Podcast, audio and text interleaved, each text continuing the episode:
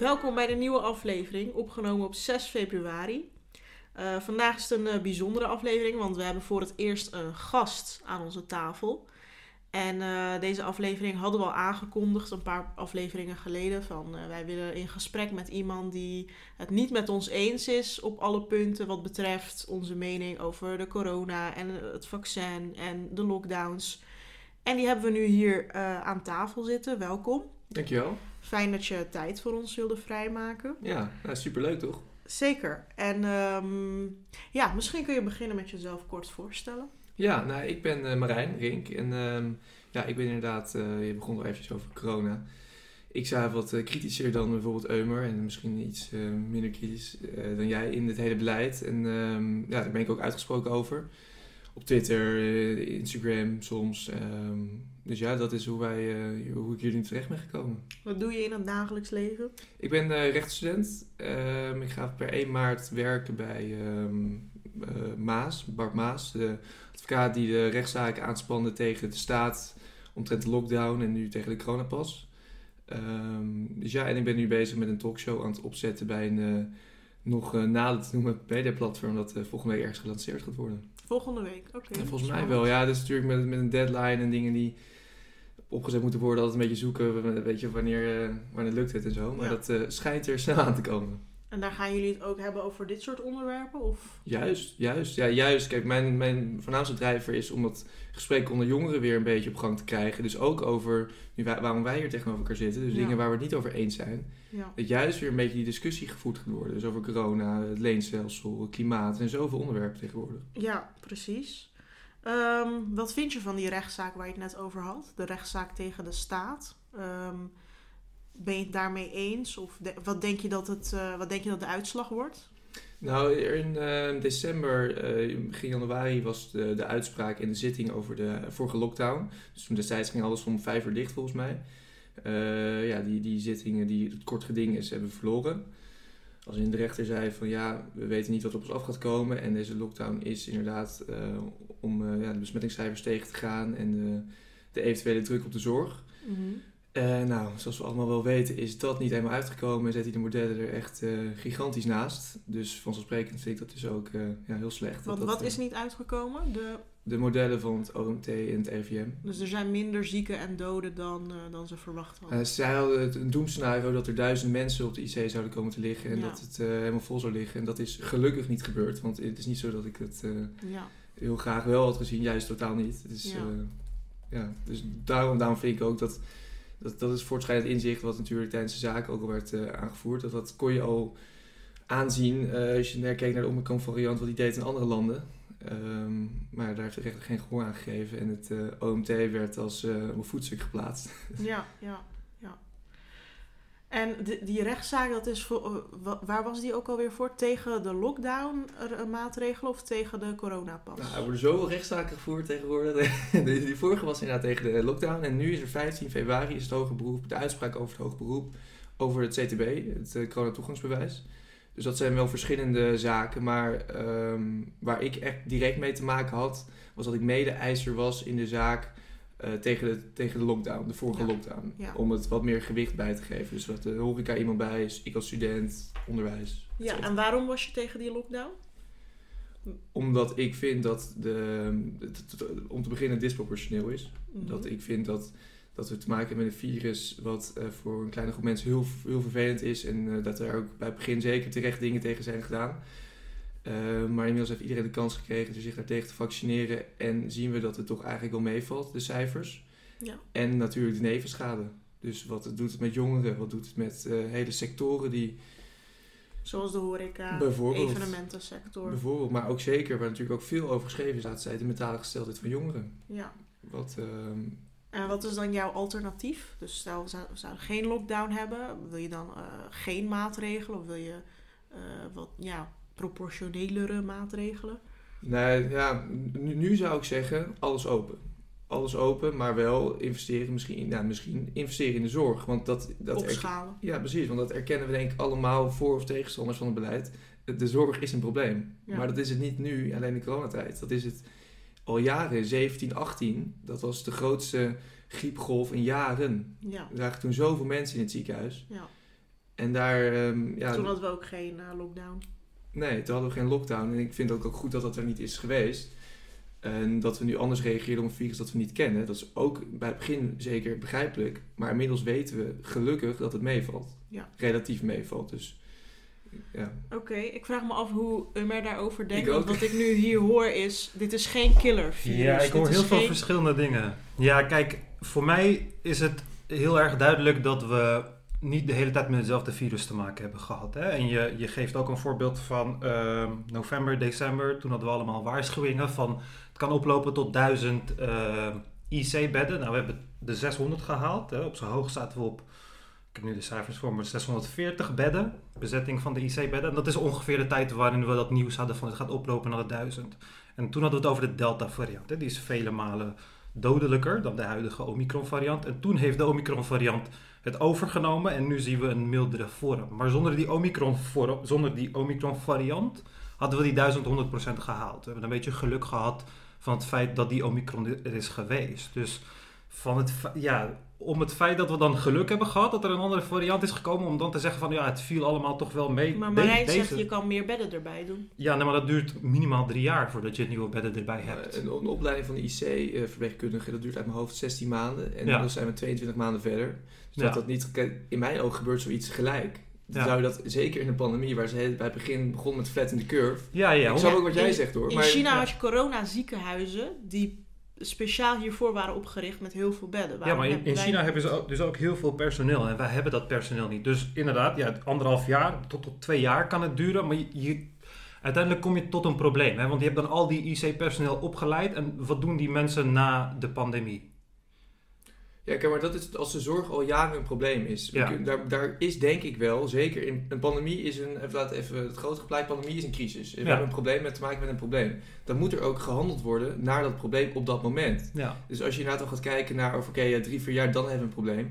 Nou, dan, dan verzinnen we misschien een, een constructie dat kunnen ze verpleegkundigen worden. Of dan faciliteren een opleiding tot eh stewardessen, ik zeg maar wat. Hè. maar kijk, die mensen zijn al verpleegkundigen. Als verpleegkundige volg je dan een extra opleiding om IC-verpleegkundige te worden. Waarom zou je die opleiding volgen om een maand te werken? Om de crisis te bestrijden. Ja, dan- maar hoe ga je die mensen motiveren om een hele opleiding van anderhalf jaar te volgen om een maand te werken als IC-verpleegkundige? Want na, na die pandemie is het, zijn ze niet meer benodigd. En daar ligt het probleem. Kijk, mensen als Bill Gates, dat gaan mensen niet leuk vinden. Maar, nee, maar mensen als Bill Gates, die zeggen al twee, drie, vier jaar van we zijn helemaal niet voorbereid op een pandemie. En we moeten die zorg ook, ook, ook opschalen. Ben ik het ook over eens. Maar zodra deze pandemie voorbij is, dan gaan mensen weer klagen. Weet je, want dat geld gaat dan nergens na- naartoe als het ware. En de volgende pandemie kan over vijf jaar zijn, maar ook over veertig jaar. En de reden dat we hebben eh, eh, naar beneden, eh, ja, hoe je dat, af hebben geschaald, zeg maar. Ik weet niet of het afschalen is. Maar de, de reden dat we het hebben verminderd, is omdat we jarenlang geen pandemie hadden. Weet je, de laatste pandemie die, die, we hadden geen pandemie, weet je, ik ken er geen. We hebben SARS, gehad in China, dat heeft nooit de, de Nederlandse grens bereikt. Dus ja, er was niet echt de reden daarvoor. En als deze pandemie er niet was geweest, dan zouden dezelfde mensen die nu zeggen van ja, we moeten de IC opschalen, zouden zeggen van oh ja, maar kijk, er gaat al dit geld gaat in die IC-capaciteit die we al 40, 50 jaar niet nodig hebben gehad. Dus achteraf is het heel mooi, maar wij wisten ook niet eh, eh, anderhalf jaar geleden van oh, we moeten opschalen, want over anderhalf jaar zitten we inmiddels aan de vijfde variant. Weet je, dus de- achteraf is het heel makkelijk om te praten van ja, we hadden het zo moeten doen. Maar het gaat meer om ja, wat gaan we nu doen, weet je. En op de korte termijn was het enige wat we konden doen, was die lockdown. En die lockdown staat proportioneel eh, op de hoeveelheid IC-bedden die bezet zijn. Je ziet nu, omdat de IC veel minder bezet is, dat er veel meer mogelijk is. Maar we zijn nog steeds op onze hoede, want we weten niet wat er kan gebeuren. Weet je, als we de clubs allemaal weer op de open gooien, clubs, ik weet dat het allemaal heel gezellig is, maar het is één grote ja, cesspool, waar iedereen letterlijk elkaars eh, ja, lichaamsappen inademt, bij wijze van spreken, zeg maar. Dus dat kan ervoor zorgen dat je een explosieve groei krijgt weer, weet je. En men probeert gewoon om een beetje ja, op je hoede te zijn en te kijken van wat er gebeurt en daarop te reageren. Dus ik, ja...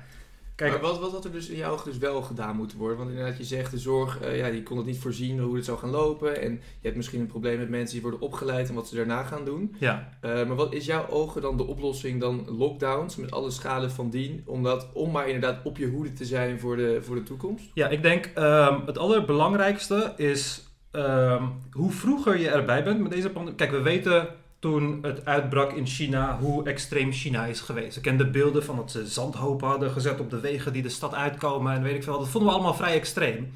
Maar als ze extremer waren geweest, hè, als ze extremer waren geweest, had het virus eh, China nooit verlaten, als het ware. Precies hetzelfde als wat ze bij SARS hebben gedaan. En als je dat nu aan de mensen zou vragen van... Hey, hadden ze wat strenger moeten zijn om het tegen te houden... dan met de kennis van nu, zouden heel veel mensen zeggen van... Ja, natuurlijk. Want de hoeveelheid schade die er achteraf is veroorzaakt... Weet je, dat is het 100% waard. Maar op dat punt kan je dat niet bekijken. Dan is het van, oh ja, China is een barbaars land... en ze geven niet om mensenrechten en weet ik veel wat. Omdat we dat, dat, dat langere plaatje niet zien. Dus dat is heel erg belangrijk. Als ja, de hele wereld wat beter had samengewerkt en dat wat, wat serieuzer had genomen, dan hadden we dit probleem niet. En ik, ik denk ook niet dat we het heel slecht hebben gedaan hoor. Ik vind ja, 5 miljoen doden, ik vind dat we het toch vrij goed hebben gedaan. Het zou veel erger uh, uh, kunnen geweest zijn. Maar ja, het, het, laat wel zien dat ja, we niet moeten meelopen met mensen die dan zeggen van... oh ja, maar alleen zo weinig mensen gaan eraan dood. En weet ik wat, want zodra het een ja, wereldwijde pandemie wordt... zodra het een wereld... Want kijk, iedereen praat over echt mensen die nog nooit het woord mortality rate in hun mond hebben genomen. De, elke week, ja maar de mortality rate is dit, mortality rate... De mortality rate wel... boeit niet. Nee, oké, okay, maar dat, dat is misschien eventjes voor nu. Kijk, we kunnen inderdaad helemaal de toekomst, hoe ze dingen in het verleden hebben gedaan, wat niet ja. goed was. En dat is ook interessant, omdat het misschien ook een uitgangspunt is voor het huidige beleid. Ja. Uh, maar ook op een gegeven moment naar de toekomst gaan kijken. Maar inderdaad, wat je op het laatste zegt, inderdaad, de mortality, mortality rate. Wat bijvoorbeeld jouw grote vriend Thierry Baudet heel vaak roept. Ja. Uh, maar dat is de definitie van een pandemie. Was tot, tot voor de coronapandemie was dat volgens de WHO het aantal doden. Dat is toen veranderd in ergens 2019, volgens mij, ik weet niet, oktober of zo, november. Ik weet niet uit mijn hoofd. Is dat veranderd naar het uh, aantal besmettingen. Dus het aantal infe infecties. En, ik weet niet of dat waar is. Nou, de, de tijd zal misschien niet per se, kan, kan ik naast zitten hoor. Maar ik weet wel dat die definitie kort voor coronapandemie is veranderd. Dus kan je inderdaad ondertussen opzoeken. Ja. Um, maar dan ga je dus heel erg kijken naar hoeveel mensen krijgen het virus. In mijn optiek moet je kijken naar wat doet het virus dus met mensen. En ja. we zien gewoon, we hebben gewoon te maken met een virus wat we waar van het begin heel weinig van wisten. Ja. Maar inmiddels weten we dat gelukkig heel weinig mensen er echt heel veel last van hebben. Kijk, wij zijn allemaal jonge, jonge gezonde mensen. En daar kunnen we zo meteen inderdaad al hebben over de heilige graal volgens onze beleidsmakers, het vaccineren. Um, maar we, we, zien dus dat het niet heel veel doet. Ik wil de gemiddelde leeftijd is volgens mij 83 uit mijn hoofd. Dat, ja, dan 83 zou... met onderliggende ziektes, overgewicht, ja, astma, bla bla bla. En natuurlijk kan je dan zeggen, want ik weet, ik weet het ook heb geroepen, en misschien een klein bruggetje. Ja, maar er was een groot gedeelte ongevaccineerd. Ja, oké, okay, dat klopt. Maar we hebben het alsnog, als je naar de cijfers van nu kijkt, over minder dan duizend mensen op een IC, op een wat populatie, als je even alleen Nederland pakt. Hoeveel hebben we inmiddels hier? 17,5 miljoen mensen of zo? Ja. Ja. ja. ja, maar kijk, je praat over resultaten die je hebt nadat je een strenge lockdown hebt ingevoerd. Dit zijn de resultaten die we hebben door al die lockdowns. Ja, Als we die lockdowns niet hadden, dat, dat het, wordt betwist ook. zou het net zo goed tien keer zo erg kunnen zijn. Of vijf keer zo. Misschien Ja, minder erg. Dat weten we dus Misschien niet. Nee. minder erg, maar we zien wel in de landen waar ze veel minder maatregelen hebben genomen, dat de mortality rate veel hoger ligt Oh, in ja, dat soort landen. Weet je, en dat zit ook in het begin van deze pandemie was de mortality rate veel hoger. En naarmate de tijd, naarmate we... Kijk, je moet je voorstellen dat eerst krijg je een zieke in het ziekenhuis. Je weet niet wat de fuck die persoon bezielt. Je weet niet wat je moet gebruiken om die persoon te behandelen. Dus in het begin is je mortality rate sowieso vrij hoog. En naarmate de maanden verstrijken en je meer patiënten hebt waar je op kan oefenen als het ware, dan leer je de ziekte beter kennen. En dan gaat die death rate ook, ook omlaag. Maar ja, kijk, ik heb het idee dat mensen zich een beetje verkijken op dat hele van ja, het, het doet niemand iets en alleen de ouderen. Het geldt voor heel veel ziektes dat de gemiddelde sterfte eh, eh, eh, leeftijd in de 80 ligt. Maar gelukkig. Dat ligt voor kanker, dat ligt voor diabetes, dat ligt voor alle ziektes. Ja. Het komt gewoon omdat oude mensen meer doodgaan. Maar dat is gewoon een simpele denkfout. Kijk, als je denkt aan, vind je polio erger dan, dan SARS? Denk je dat als, als het polio was geweest, dat we dan meer maatregelen hadden moeten nemen?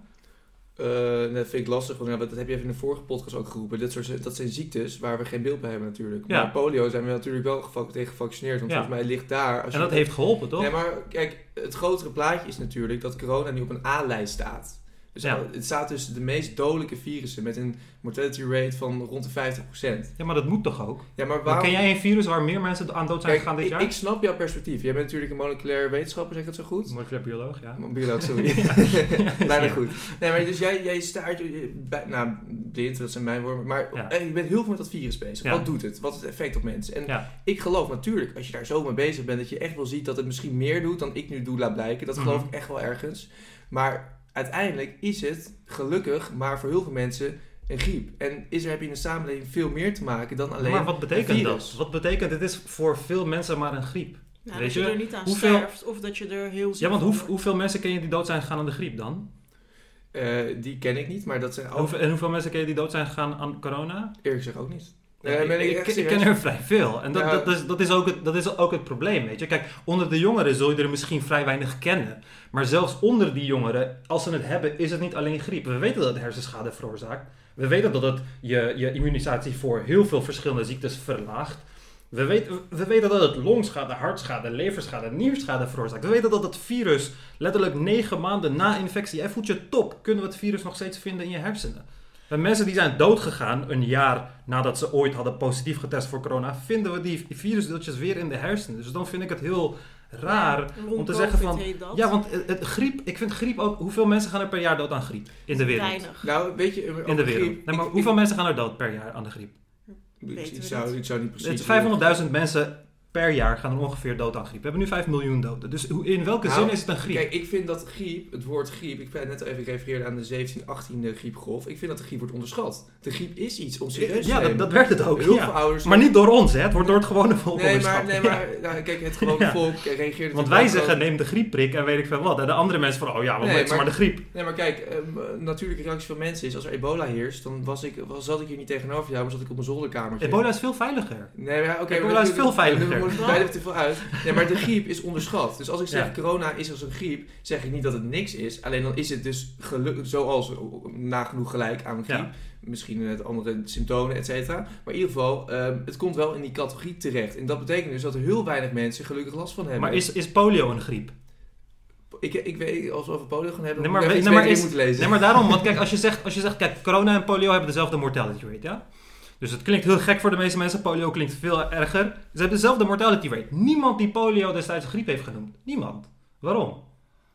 Waarom? Omdat niemand, omdat er geen social media en nieuws bestond en er geen politicus waren die, die riepen dat het maar een griep, griep was. En het is heel gek om iets, Ja. om iets wat tijdens de zwaarste lockdown in 100 jaar tien keer meer mensen heeft vermoord dan de griep. Zwaarste lockdown ooit. Heeft tien keer meer mensen vermoord dan de griep. In tijden dat we nul maatregelen hebben tegen de griep. Dan is het heel raar om het maar een griepje te Ja, noemen. het is wel interessant, hè? want we zitten natuurlijk over een eh, jurist, een jurist in wording, want ik studeer Ja. nog, en een, eh, iemand uit het medische spectrum. ja. Dus je ziet heel erg van, oké, dus je ene maak je ingebruik op grondrechten, en we hebben het eigenlijk een beetje over de proportionaliteit ervan, is het terecht of niet terecht. Ik vind het heel erg als wij nu een precedent scheppen voor de toekomst, dat we om een virus met een, ja, een lage mortaliteit, met een ziektebeeld waar voornamelijk ouderen mensen ziek van worden met onderliggend lijden, dat we daarvoor zulke ingrijpende maatregelen nemen met zoveel schade aan Ja. jongeren gesteld, van jonge brand, mensen die naar de, om even naar de, naar de Filistijnen gaan. ja. Kijk, voor mij is dat totaal niet in proportie. Echt heel evenredig. Maar Ja. daarom pro- pro- probeer ik net te zeggen dat ik ja ook wel ergens snap dat als je er zoveel mee bezig bent, dat je denkt van jongens, onderschat het niet. Goed dat dat gebeurt. Want ja, ziektes uitroeien, of ik denk niet dat dat kan, maar in ieder geval beperken, de, Mhm. het ziektebeeld van mensen, dat is goed. Maar ik vind wat er nu gebeurt, dat dat zo ver. eh, We worden eigenlijk geregeerd, en dan heel, dit is misschien ook een eh, iets overdreven citaat, maar geregeerd door witte jassen. Ja. Als in mensen die alleen maar zeggen we hebben het virus, maar die hebben helemaal geen kijk van. Dus eh, eigenlijk zeg jij, je moet, het gaat niet alleen maar om doden beperken of zieke mensen beperken. Die, dat offer mag je brengen als je maar die... Als het in proportie is natuurlijk. Kijk, als de helft maar neer zou vallen, of we hebben een hele gewoon echt A-statuswaardige mortaliteit, dan, dan heb ik een ander gesprek. ja, maar dus A-status is voor jou 50% mortality rate. Nee, bij wijze van Wat is voor jou een hoge mortality rate? Nee, ik, ik dan zou die, die lijst erbij moeten pakken. Maar je ziet nu gewoon dat corona staat tussen virussen. Met, ja. eh, Zoals? Zoals eh, Ebola bijvoorbeeld. bij, bijvoorbeeld. Ja, hoeveel mensen zijn er dit jaar doodgegaan aan ebola?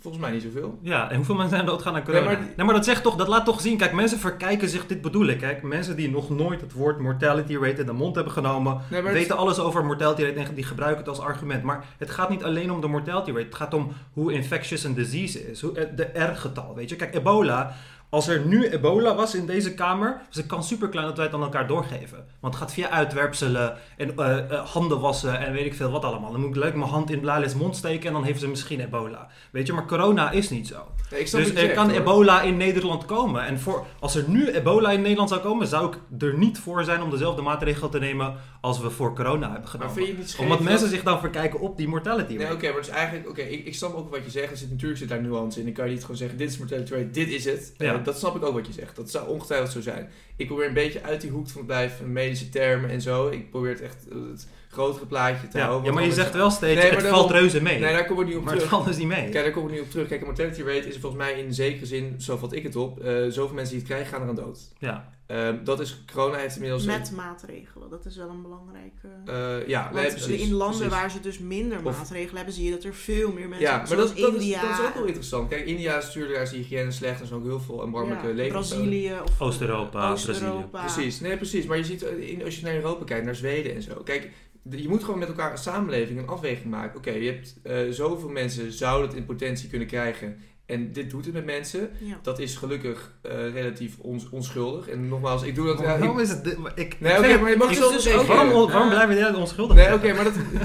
dat, dat kun je 5 miljoen doden, Nou ja, kijk. dat is niet onschuldig. Nee, Jij maar- zegt, je voelt er niet zoveel van als jongere, toch? En je gaat er niet dood aan en je ligt niet op bed. Ik Over het algemeen niet. als Oh, wij wel. drie het zouden krijgen, wij drieën, wij zouden het gewoon heel makkelijk overleven. Alleen Eumer zegt dus dat als je bepaalde dingen hebt in je lichaam, dat je het niet hoeft te voelen. Hij meent dus dat je alsnog hersenschade kan hebben, alsnog longschade, alsnog hartschade, alsnog dat je virusdeeltjes, nadat je, nadat je al lang weer fit voelt, zijn die nog steeds te vinden, zegt hij. Ja, ik vind het ook raar dat je dat dan niet Nee, voelt. maar dat is zo onge- Kijk, wat Eumer zegt, is in mijn ogen... Jij hebt er verstand van. Natuurlijk zit daar een kern van waarheid in. Alleen wat ik denk, is dat dat veel te groot wordt uitvergroot. Het is, zeg maar, alsof het hele leven alleen maar nu gaat om cor- corona. Maar er Mhm. is in een samenleving, in een leven, is er veel meer. En ons leven wordt nu... We creëren allemaal veiligheid, veiligheid. Maar we vergeten uiteindelijk waar het echt om gaat. En dat is gewoon het leven. En ja, je- ja. mensen gaan, zitten nu angstvallig op een kamer... of lopen met van die, van die mondkapjes buiten. Terwijl, ja, Dat, valt- ja. dat valt wel mee, toch? nou ja, Hoeveel mensen angst hebben. En, ik zie, er wordt ons continu angst aangepraat. Mensen leven in angst, mensen hebben twee jaar van hun leven ingeleverd. Kijk,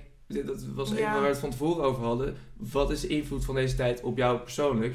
Ja. Dat is natuurlijk bij iedereen verschillend. Kijk, maar- bij mij was het misschien relatief wat minder, maar er zijn mensen die eh, in een containerwoning of als student of Ja. niemand kennen of net beginnen van dat soort tijd. En ook ouderen, hè, laten we het ook niet vergeten, die Ja. in eenzaamheid leven. Ik weet je nog, het Oud-West rond kersttijd, oma Ja. Miep, ja, die, die, die eindelijk weer iemand mocht knuffelen. Kijk, ja. ik snap echt wel als er iets heel ergs is als ju- juridisch perspectief dat je dingen moet doen. Alleen inmiddels is de schade aan de andere kant weegt niet meer op tegen waar je voor het eigenlijk doet. En Ja. dan snap ik Emmer wel, want er is wel iets serieus en jij zou willen dat het serieus wordt genomen. Ja, maar ik, ik, kijk, ik, ik vind het gewoon heel inconsequent om de hele tijd te zeggen van dat het wel meevalt. Want als je 5 miljoen doden hebt, kijk, we hebben minder AIDS-doden dan coronadoden. Dus volgens dezelfde lijn van logica valt AIDS mee, toch? Ja, ik vind AIDS het is maar een griepje, het valt reuze mee. Je kan er gewoon mee leven, prima. Zolang je maar gewoon prep slikt, kun je ermee leven, toch? Er gaan maar 1 miljoen mensen per jaar dood aan, aan, eh, aan AIDS. Borstkanker, 650.000 mensen per jaar. Stel dan ook niks voor. Ik bedoel, corona is bijna 10 keer zo dodelijk.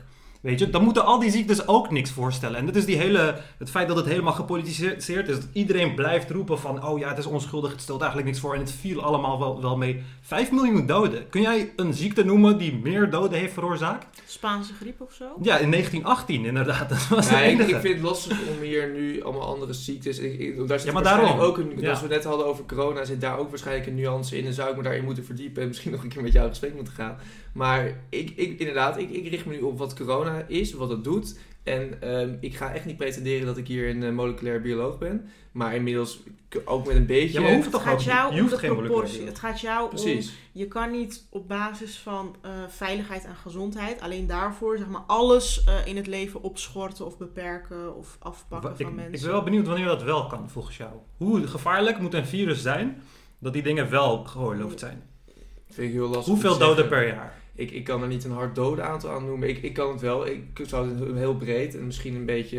Daar heb je er niet zoveel aan. Maar de, de impact op de samenleving ervan, op de maatschappij. Ja. Dat, dat zou in dat specifieke geval dus ehm Maar denk je, niet, maatregelen waard moeten zijn. denk je niet dat als we die maatregelen niet hadden genomen, want met die maatregelen hebben we meermaals tegen de grens van de IC gezeten. Hè? En zonder die maatregelen zouden we drie, vier keer over die grens van de IC zitten. Denk je niet dat dat, dat, dat hele eh, grote effecten zou hebben op de samenleving? Het feit dat iemand zijn, zijn kind naar, naar de dokter brengt, en ja, je kan gewoon het ziekenhuis zien. Wat we nu in Engeland en Amerika zien. Hè? Dat mensen een gebroken been hebben, in de ambulance bellen en het duurt vier uurtjes. Of dat mensen een hartaanval hebben en het ziekenhuis niet in mogen omdat er geen plek is. Denk je niet dat die dingen een veel grotere impact gaan hebben op ja, niet kunnen uitgaan of zoiets?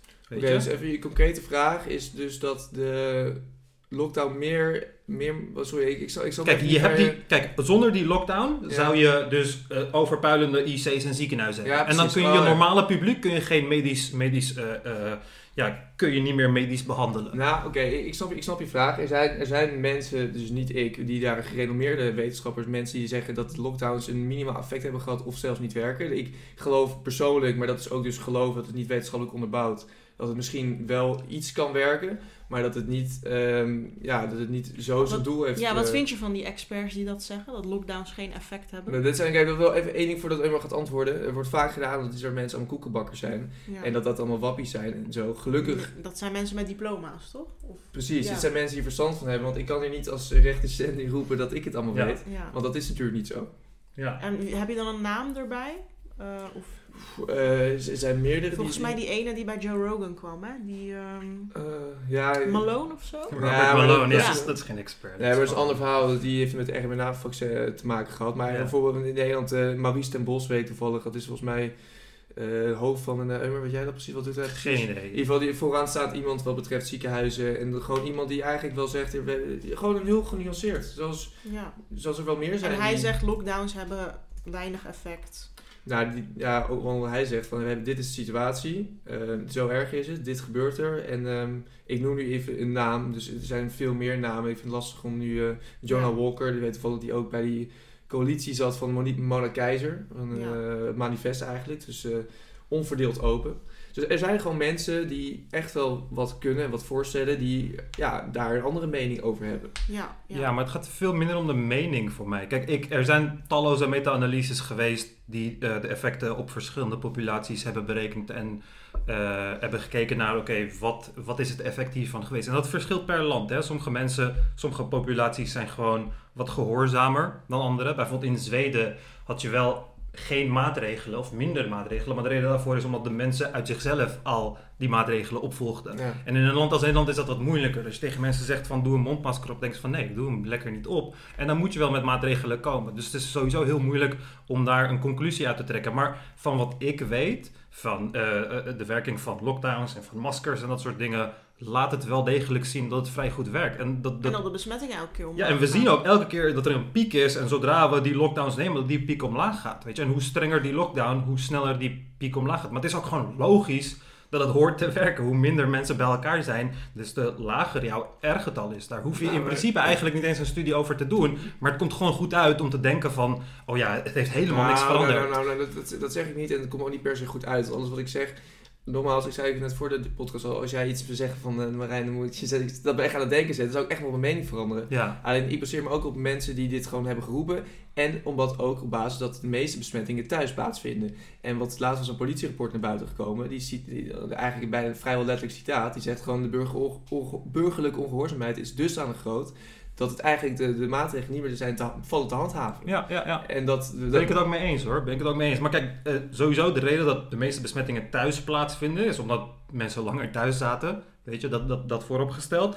En het, het, eh, eh, daarbij komt ook kijken dat als mensen binnen een woning besmet raken, dan blijft die besmetting binnen de woning zodra mensen zich aan de quarantaineregels houden. Dus dat maakt niet zoveel uit. Als je geen maatregelen had, dan waren je besmettingshaarden waren de club en de kroeg geweest. Maar omdat je die niet had, ja, had, je, had je geen andere plek waar mensen dicht op elkaar zitten behalve het huis. Zeg maar. Dus, dus En dan is natuurlijk weer de volgende vraag. Kijk, misschien moeten we zo meteen eventjes naar een beetje richting het toekomstperspectief gaan. Maar ja, wat, wat doen die besmettingen nou eigenlijk? Met Omicron zien we dat we een record aantal besmettingen hebben. Maar dat er vrijwel niemand in het ziekenhuis eh, ligt. Ja, ja, als je volgens mij drie, tussen de niemand. 3 en 400 mensen volgens mij. ja, ja, precies. Op de IC. Maar dat is, Ja, dat is verwaarloosbaar met een, eh, met een populatie van 17,5 miljoen mensen. Ben ik het mee eens hoor. Omicron is een stuk milder. Het is, Gelukkig. Het is minder mild voor kinderen wel. Want eh, kinderen in ziekenhuizen, dat, dat schiet overal de pan uit wel. In de UK en Amerika helaas. Maar dat is Dus, natuurlijk ook eh, een oogschap wat een oogschap moet worden genomen. Niet alleen maar, eh, oh nee, de besmettingen en nu moeten we allemaal alles weer op slot gooien. Want eh, Ja. Ja, dat, maar dat is weer waar we over begonnen natuurlijk. Hè. Dus waar, waar moet je naar kijken? Moet je naar kijken naar wat, wat, eh, ja, hoeveel mensen er ziek aan worden, hoeveel mensen er dood aan gaan, hoeveel mensen in het ziekenhuis komen. ja. En Kijk, in het begin keken we naar de hoeveelheid mensen die er dood aan gaan. nou, En- we keken toch uit naar het ziekenhuis. Er werd gezegd flat, twee weken flat in de curve, van Ja. het ziekenhuis kan die aan. Ja, ja, ja, precies. En dat hebben we toen ook gedaan. Hè? Want de, de, de piek die we in het begin hadden, dat was twee keer zo hoog als de piek die we in, eh, in, in december hebben gehad. En die curve hebben we vrij snel geflattend, zeg maar. En we hebben toen in de zomer hebben we vrij lage eh, ja, bijna geen IC-bezetting gehad. En daarna is het gegroeid. Maar je ziet wel dat we en beter hebben leren omgaan met de ziekte. En dat die vaccinaties enorm hebben geholpen om die besmettingen omlaag te houden. En de laatste golf van Delta, ja, die zou ook omhoog schieten als Omicron er uh, niet bij kijken, niet bij zou komen kijken. Dus ja, ik vind het gewoon, ja, ik, ik zie niet hoe we dit, hoe dit beter had kunnen zijn met mindere maatregelen. Maar ik ben heel benieuwd. Hè? Hoe, hoe, hoe, zie jij dan de toekomst voor? Is het leven. Het is, bijna, het is bijna voorbij, toch? Nou, dat vraag ik aan jou. Maar ja. Er zijn, uh, ja, je, je, leest soms wel tegenstrijdige dingen hoor. De ene zegt het is bijna voorbij, de ander zegt nou ik kom die variant. Elke lockdown. Precies. Uh, dus, stond er in, het, in de telegraaf. Ja, het lange termijnplan wat volgens mij in december, januari uitlekt inderdaad. Dus dat je de carnaval naar de zomer gaat. Want in de winter moeten we wel eens een lockdown uh, van een paar weken. Ja. Ja. Maar hoe zie jij de toekomst voor je, Emer? Ja, kijk, het is, ik, het is heel lastig om voorspellingen te treffen. Want Kijk, je weet niet of er een variant Nee, het is gewoon wat je, Precies. je mag, je Kijk, mag het, belang. doen. Ja, kijk, ik denk niet dat er eh jaarlijkse lockdowns gaat komen. Ik denk dat het onzin is. Dit gaat sowieso niet komen. Ben ik bijna 90% van overtuigd. Dat, dat, niet gaat gebeuren. Die ja, maar, maar, hoezo? Want er kan toch een gevaarlijke variant komen? Ja, dat kan inderdaad. Maar eh, we hebben nu al... Kijk, Omicron eh, raast nu door iedereen heen. Kijk, de gros van de mensen in Europa dan is een soort van gevaccineerd. Ja? Dus dat zorgt ervoor dat eh, de...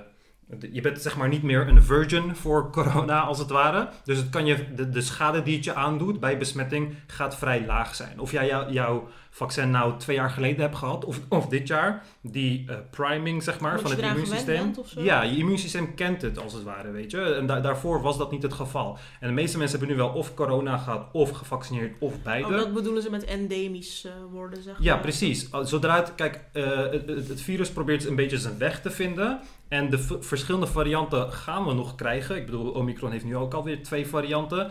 Alleen er zijn heel veel onzekerheden. Hè. Kijk, we hebben vier griepvarianten bijvoorbeeld. Als je door de ene griep besmet bent geraakt, kun je nog steeds door de andere griep besmet raken. Het is nog steeds allemaal griep, weet je. Maar je kan eh, door verschillende besmet raken. Dus het is heel goed mogelijk dat je, door, je hetzelfde jaar door Omicron eh, besmet kan raken. En dat er dan een mu is of een nu-versie of weet ik veel wat. En dat, dat, dat je daar dan geen bescherming voor hebt. Weet je, of dat die veel gevaarlijker is en weet ik veel wat. Maar ik zie dat niet zo snel gebeuren. Over het algemeen, niet altijd hoor. Over het algemeen wordt een nieuw zoonotisch virus, die wordt geïntroduceerd, die wordt met de tijd steeds milder en milder. En dat zien we bijna in alle ziektes terug. Het hoeft niet altijd, maar we zien het wel bijna in alle ziektes terug.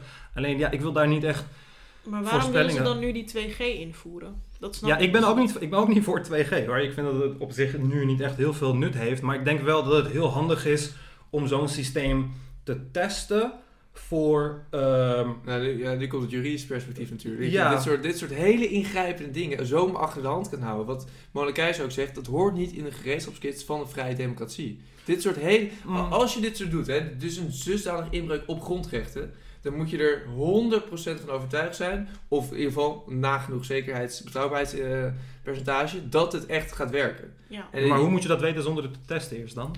Nou ja, we hebben toch tegenwoordig allemaal modellen... waar heel beleid op wordt Ja, maar dan weet je toch niet 100% zeker. Een Nee, model nee, is nee, gewoon een nee, model. oké, maar, oké, maar als, als het dus nagenoeg betrouwbaar is, het OMT, wat ik aan het begin zei, werd op een voetstuk geplaatst door de rechter al een aantal keer. Van als zij wat zeggen, dan ja, wij moeten ons terughoudend opstellen, want het OMT zegt dit. Ja. Dan zou je dat toch ook moeten doen bij een TU Delft, wat zegt eh, het werkt niet, de 2G-maatregel. Dan zou je toch Ja. ook moeten zeggen, oké, ja, zij, zij hebben het helemaal uitgebreid onderzocht. En eh, de werkbaarheid is, ehm, ik kan geen, ik weet niet, iets van... 6%. Zoiets, 6% inderdaad. Nagenoeg niks. Ja. Tenminste, nou, dan heb je het over evenredigheid, proportionaliteit en zo. Ja. Eh, ja, ben ik het ook mee eens. Ik ben ook... eh, we ik komen denk, tot, tot elkaar. ja, kijk, ik, ik ben sowieso geen voorstander van 2G. Ja, kijk, ik vind 2G wel beter dan niks. Maar ik ben eigenlijk voorstander van 1G. Gewoon testen voor toegang. Maakt niet uit wie de fuck je bent. Of je nou 10 eh, vaccins hebt gehad of 10 keer corona. Gewoon testen voor toegang. Nou, dat vind ik dus ook heel goed. Testen kan echt geen kwaad. Ja, 100%. Maar het probleem is dat, dat het moet wel makkelijk. Weet je, het moet letterlijk in dezelfde zin van, weet je, hoe ze jouw temperatuur opmeten met zo'n pistool. Je zou eigenlijk dezelfde technologie moeten hebben om te kijken van, oh ja, jij bent Ja. besmettelijk en jij bent niet besmettelijk. En dat is wat lastiger. Ja, een beetje, een beetje dus, vind, testen kan geen kwaad in de zin. Ik vind niet dat je 1G, ik vind dat het helemaal geen CTB moet zijn. Maar ik wil testen kan geen kwaad in de zin dat het in de winterperiode op zoek bij opa en oma gaan. Is denk ik juist heel, heel verstandig als jij je gaat testen. Want ja, wat we net al zeiden met de griep, wat niet te onderschatten is. En eh, ook met corona. Je, je wil niet dat oude mensen het loodje leggen. Dus Ja. als je op elkaar op die hele onschuldige manier vrijblijvende manier kan beschermen. Net als dat je thuis moet blijven als je ziek Maar- bent of klachten ja. hebt. Laten we daar vooral... Vind je, eh, vind je vaccineren niet een onschuldige manier om elkaar te beschermen? Eh, nou, vaccineren, kijk, dit is een interessant ding inderdaad. Want bij het begin werd er inderdaad gezegd, we doen het samen, je beschermt anderen. Nou, op een gegeven moment kwam natuurlijk uit dat je, het, eh, dat je elkaar net zo goed kan, dat ze misschien wel met deze variant bijvoorbeeld gevaccineerden besmettelijker zijn. Eh, in ieder geval, nou, dat met Omicron variant. Daarvoor in... Gevaccineerde besmettelijker? Ja, maar Dat is nog ik, nooit het geval geweest. daar kom ik zo op. Maar in ieder geval, je bent, ze zijn even besmettelijk. Dat, dat, dat was... Ze zijn ook niet even Dat, besmettelijk. dat, is, dat is wat er nu ook, zelfs door, door het kabinet, eigenlijk eh, algemeen wordt aangenomen. Dat gevaccineerde en onvaccineerden even besmettelijk Je, zijn. kan, je bent nog steeds besmettelijk, toch? Als Ja, ja, maar je bent niet even besmettelijk. Maar Dat- in ieder geval... Dat, dat, wordt, dat wordt gesteld. En, of, en als dat niet zo is, dan... ze- Nou ja, Ja, is- kijk. ja, ik, ga, nee, ik ga er eigenlijk niet vanaf, want volgens mij is dat gewoon zo. Maar in ieder geval, dan doe je het dus niet voor een ander. Want dan, als je, dan doe je het toch voor jezelf. Ik vind, kijk, dat is een moreel ethisch. Ik vind sowieso dat je vaccineren voor jezelf doet. Maar als je mij zou vragen, eh, wat je waarschijnlijk gaat doen, waarom heb je niet laten vaccineren? Nou, eh, dat is dus omdat ik het voor, voor mezelf niet nodig heb. En ik kan er ook niet geen anderen mee beschermen. Ja. Dus dat, dat is hoe ik, hoe ik erin sta. Dit Ja, ben kijk, kijk, het jouw is- reactie. het, is, het is nooit zo geweest dat, ehm, dat eh, eh, gevaccineerden even besmettelijk zijn of erger. Het, het, het- logically, it doesn't make any sense, zeg maar. Kijk, als je gevaccineerd bent, kan het virus minder eh, verspreiden in jouw lichaam, minder delen in jouw lichaam. Dus de hoeveelheid viral load die jij uitstoot, de hoeveelheid virus die jij, hoe zieker je bent, hoe meer virussen je uitstoot.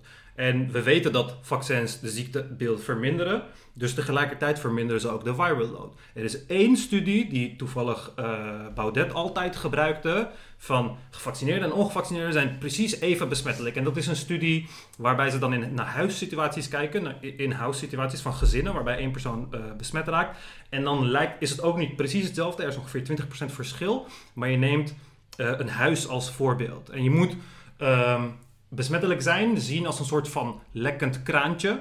Dus ik kan een kraantje eh, die af en toe wat druppelt, weet je, daar word ik niet echt nat onder als ik er heel snel onder ga. Maar als, die, als het een plafond is en ik lig eronder, word ik alsnog kletsnat, weet je. Dus in een huissetting maakt het niet uit of jouw viral load heel hoog of heel laag is, want je zit in een gesloten ruimte met elkaar. Dus ook al is die andere persoon die gevaccineerd Maar- is, heeft die een lagere viral load, eh, load, omdat het opbouwt in die ruimte, zeg maar, dan kan het ongeveer hetzelfde zijn. Maar het is nog nooit, ja, dat moet Ja, maar ik je echt weet toch dat er veel meer mensen zijn dan Thierry Baudet, want ik ben ook geen Thierry Baudet Ja, aanhanger ja, ik weet het. Maar, die dat zegt. ja, maar ik zeg alleen, ik zeg alleen dat de, de, de, enige keer is wanneer, eh, dat ik dat heb gehoord. Maar over het algemeen geldt niet eh, dat... eh, dat Ja, kijk, in mijn ogen, dit is volgens mij gewoon... Ja, kijk, ik snap persoonlijk niet dat dat een discussiepunt is. Omdat het heel... Dit wordt eigenlijk volgens mij ook algemeen aangenomen dat ze Mhm. even besmettelijk zijn. Ik weet niet, Maar Lara, in hoe ieder geval dat... besmettelijk genoeg dat er nog steeds, zeg maar, nadat Ja. iedereen bijna gevaccineerd, of nou ja, nou, een groot deel gevaccineerd, nog steeds lockdowns, nog steeds Ja, maatregelen. ja, dus precies. Exact. dus nog steeds een- heel ja, besmettelijk. je bent nog steeds besmettelijk, maar er is een verschil. Kijk, met elk vaccin, elk vaccin, maakt dat wel, er zijn twee, drie vaccins die 100% effectief zijn, maar elk vaccin zorgt ervoor dat als jij een breakthrough infection krijgt, dus als jij de ziekte krijgt, wat gebeurt met elk vaccin, dat jij nog steeds besmettelijk kan zijn. Wij zijn allemaal gevaccineerd voor mazelen. Als er nu een mazelenepidemie zou zijn, zouden sommigen van ons mazelen krijgen. En het doorsturen. Dat geldt voor elk vaccin. Er is geen enkel vaccin waarbij jij het virus niet gaat krijgen. En als je, of als je het krijgt, dat jij niet besmettelijk wordt. Dat is onmogelijk. Weet je? Dat is de essentie van het besmet raken Ja, door ze een, zeggen een ook virus. dat vaccinaties alleen beschermen tegen ziekenhuisopname en verder niet voor... Precies, kijk, dat, besmetting. het begon natuurlijk, maar je doet het voor een ander. Jij vroeg mij, zou je dat Ja, maar doen dat is dus achteraf een leugen gebleken. Dat is dus Wat is een leugen gebleven? Dat politici al zeiden van ja, als we gewoon prikken, dan komen we eruit. En je Nee, nee, nee. Dat is, een geen, dat is geen leugen. Dat is poli- politici die de feiten niet begrijpen. Kijk, de, het vaccin dat we hebben, dat is voor de Alpha-variant gemaakt. Dus de, nee, sorry, dat is voor de Wuhan-variant gemaakt. De originele variant. Voor die variant heb je gewoon 90% besmetting tegen infectie ook. Dus eh, in het begin was het super, super zeldzaam dat mensen besmet raakten wanneer ze gevaccineerd werden. En we wisten ook niet als ze besmet raken hoe besmettelijk ze zijn. En daarom hadden we de regel van als je gevaccineerd bent moet je nog steeds een mondmasker op. Die regel hadden we. Dat vond iedereen een he- hele rare regel. Van, oh ja, waarom moet je nog steeds een mondmas- mondmasker als je toch gevaccineerd bent? Dus Omdat mensen het niet variant, begrepen. Ja. Maar de beta-variant en de delta-variant, die waren heel goed in eh evading the immune system, zeg maar. Dus die breakthrough infections, die normaal maar een klein deel zijn, wordt een vrij groter deel. Dan wordt het opeens 40 tot 50 procent. Weet je? En als je nu een vaccin zou hebben gebaseerd op delta, dan zou je diezelfde... Maar dan kun je toch stellen dat er eigenlijk niet tegen opvalt te vaccineren. Want eh, wat je inderdaad zelf zegt met varianten in de toekomst. Kijk, het is gemaakt misschien op de Wuhan variant. En er zijn zoveel voorbeelden van mensen die alleen maar gevaccineerde en geteste mensen. eh, die samenkomen en opeens is er een hele brandhaard ontstaan. Ja. Kijk, in mijn ogen kan je niet zo'n beleid voeren op een, op een besmettelijkheid van een eh, gevaccineerde, omdat het gewoon omdat ze even besmettelijk zijn als ongevaccineerden. En uiteindelijk raast het virus toch wel door. Wat Het je is wel niet kan even doen, besmettelijk. je, je kan voor oudere mensen, voor oudere Ja. mensen die zichzelf eventueel kunnen tegen beschermen, ja, dat, dat zou nog wel wat nou, verstandig zijn, misschien wel zelfs. Ja. Kijk, alleen voor gez- jonge, gezonde mensen Dus die eigenlijk jouw punt komt erop neer. over het ehm, vaccineren bedoel, ja, ja. dat als je zeg maar, gevaccineerd bent, ben je nog steeds heel besmettelijk. Hè? Dus ehm, dat, dat je zo'n QR hebt en dat je gewoon overal binnenkomt, terwijl je als ongevaccineerde nergens meer binnenkomt, terwijl je misschien wel gewoon een test hebt. Het is dat- schijnveiligheid. Ja, precies. Want als gevaccineerde met een QR, waar je dus overal mee binnenkomt, kan je nog steeds iedereen besmetten. Exact. Ja, het, Ja. het is, het is echt schijnveiligheid. Nee, maar het is, ja, ik vind de woorden die jullie gebruiken vind ik heel raar. Kijk, het is, je bent niet even besmettelijk. Dat is vooropgesteld. Ik weet niet waar Oké, dit je vandaan is gekomen. Ja, je bent wel besmettelijk, Ja, maar je bent niet even besmettelijk. Maar je bent wel besmettelijk. Er kan bent steeds beschermd. een brandhaard ontstaan. Ja, ja, klopt. Maar jullie zeggen wel van ja, allemaal gevaccineerd en dan kom je en dan wordt iedereen bes- besmet. Dat is ook niet het geval, want dat zou betekenen dat het 0% ehm, ehm, bescherming tegen infectie biedt. Dat, dat is niet het geval. Het biedt bescherming tegen infectie, maar het wordt steeds lager met elke variant. Omicron Mhm. is supergoed in het, in het eh, omzeilen van het Maar moeten we dan voor elke immuunsysteem variant een nieuw vaccin of zo? Of... Kijk, in principe, wat je eigenlijk nodig hebt, is dat jouw vaccinontwikkeling zo snel is, is dat je binnen twee maanden al een nieuw vaccin op de markt kan brengen. Dat is wat je eigenlijk nodig hebt. En mensen vinden dat heel eng. Of leren leven als je- met corona. Nee, want en het gewoon krijgen. Nee, want als je, kijk, als je dit niet, als je dit niet, eh, als je dit niet, er niet voor zorgt dat deze systemen goed werken, dan gaat het bij toekomstige pandemieën, ben je de lul. Ben je gewoon letterlijk de lul. Maar kijk, daarom- Kijk, als, als de wereld op zijn knieën is gebracht met een virus dat jij, het valt wel mee noemt en het is maar een griep, het is op zijn knieën gebracht. Letterlijk op de knieën gebracht. En je, Nee, je, stelt is- zelf ook, je stelt zelf ook van, oh, vaccins helpen niet en lockdowns helpen niet en dit en dat, dat helpt niet. Wat de fuck moeten we dan in de toekomst als er eentje is die jij wel serieus vindt? Nee, kijk, dus, dat vroeg je net inderdaad ook al. Dat hebben we, Ja. ja. het valt een beetje in herhaling. Maar dat is natuurlijk lastig om nu één op één te zeggen wat er in de toekomst eventueel gaat gebeuren. Nee maar, nee, maar wat moeten de maatregelen zijn die we nemen in het geval van een pandemie? Weet je, dan, dan, kijk, ik kan me alleen baseren wat er nu gebeurt. Het Ja. enige wat ik zie is dat we meer, bij wijze van spreken, meer maatregelen hebben terwijl bijna iedereen gevaccineerd is. Of ja, nu dan even niet, maar dat was recent, was dat wel zo. Dan eh, bijvoorbeeld het jaar daarvoor. En dat er de cijfers ook veel beter waren dan eigenlijk toen mensen gevaccineerd waren. En natuurlijk is dat misschien te wijden aan varianten. Maar die varianten Waren de cijfers beter toen minder mensen gevaccineerd waren? Eh, in, in de ziekenhuizen, ja, of, of het nagenoeg gelijk. In de eerste zomer van 2020 en de zomer van 2021, die Ah, dat hoor ik cijfers... vaker, ja. Die, die, die verschillen niet. En toen was bijna niemand, was, volgens mij was niemand zelfs gevaccineerd in de eerste zomer. Dus maar ja, kijk, en hebben we niet in de, in de eerste zomer de meeste doden gehad? Die, hebben we daar niet de hoogste piek van doden in, gehad? we hebben toen maar, tot maart, tot mei was er, echt, was er in- inderdaad echt iets aan de hand. Ja, dat klopt. Ja. Maar dat was niet de hebben we, zomer. de, hebben we de hoogste doden gehad, maar ik heb het over de zomer van 2021 hè? Of, Oh, en de zomer van En, 2020. da- en zomer van 2021 hebben we ook de minste doden gehad, toch? De winter of de... De zomer van... Ik, kan- ik heb we hier, gaan, de ik heb hier de, de, de daily deaths voor me. Weet je, dit is, dit is de eerste piek. Dit is de zomer van 2021 waar je het over hebt. Ja, Ja, dus met de, met de minste doden die we daar hebben we gehad. moeten het En gaan als we je- ook in beeld brengen. Ja, ja, maar ik kan, ik, ik kan het wel laten zien. En, en als je kijkt naar de infecties, hè, in een tijd dat we bijna geen infecties hebben gehad, hebben we de meeste doden gehad. In een tijd met de meeste infecties, hè, in, in, terwijl iedereen gevaccineerd was, hebben we veel minder doden gehad. Dus gek is dat. Ja, maar ik heb er... Gek is dat dat precies het tegenovergestelde is. Nou ja, dat is niet helemaal zo. We hebben, kijk, we hebben nu een, een jaar later ook een heel beleid eh, voeren op basis van al die codes en wat ik net schijnveiligheid noemde en inderdaad hoeveel mensen gevaccineerd zijn in het ziekenhuis liggen. Maar dat jaar daarvoor, het enige wat, wat in mijn ogen op dit moment die pandemie in stand houdt, is dat testen van mensen. Als mensen zouden stoppen met testen, zou er echt niets aantoonbaar aan de hand zijn. Echt niet. Dat is, dat In het is ziekenhuis liggen echt niet heel veel meer, meer of minder mensen dan met, met een, eh, een gemiddelde griepgolf van een aantal jaar Ja, geleden. hoeveel mensen liggen er nu in het ziekenhuis? Dat wil ik wel weten. En is dat erg? op dit moment... Ja, maar laten we een beetje naar de... Kijk, we hebben natuurlijk... Op dit moment liggen 229 mensen op, op de IC. Ja, maar dat is 229, hè? Zonder daar dat dat misschien hadden een aantal voorkomen kunnen worden door misschien gezonder leven of eh, Terwijl nu alles open is, hè? Gezonder leven. Nee, ja, ja, dat is toch een dingetje? Of is dat iets heel raars? Als je gezonder leeft, kan je toch misschien, eh, als je minder eh, dik bent of zo Hoe, zeggen. hoe, hoe bescherm je jezelf tegen een, een, een novel virus door gezond te leven op de korte termijn? Nou, oké, om aan te, aan te geven, eh, ik ben inderdaad niet gevaccineerd. Ik ben ook in de hele, hele tijd, ik ben helemaal maart 2020 heel ziek geweest, echt waar. En ik zie om me heen dat heel veel mensen... Door corona. Ja, ik heb me niet getest, maar toen kon het ook niet nog. Eh, maar dat neem ik wel. Ik ben nog nooit zo ziek geweest en ik had al die symptomen, dus dat denk ik wel. Maar ik, ik leef gezond in de zin dat ik werk, en ik eet gezond, ik sport, et cetera, et cetera. Ja. Ik geloof dat daar, dat daar, ja, daar kan je heel veel eh, doden of zieken mee voorkomen. Dat Zijn er, gezonde, gaan- zijn er gezonde mensen die veel sporten die eh, dood zijn gegaan Ja maar, kijk, ja, maar kijk, ik weet nu waar je naartoe hint. Natuurlijk zijn die er. Dat ga ik Ja. helemaal niet ontkennen. Maar Ja. dat is, nogmaals, dat misschien moeten we een beetje naar een, een toekomst gaan. Want we zitten, kijk, wij zitten niet op één lijn over het feit wat het, het virus doet met, met mensen. Ehm, en over wat we er tegen moeten doen. Daar Ja. zitten wij niet over op één lijn. En dat, ja, jij hebt jouw argumenten voor, ik heb mijn argumenten Ja. daarvoor.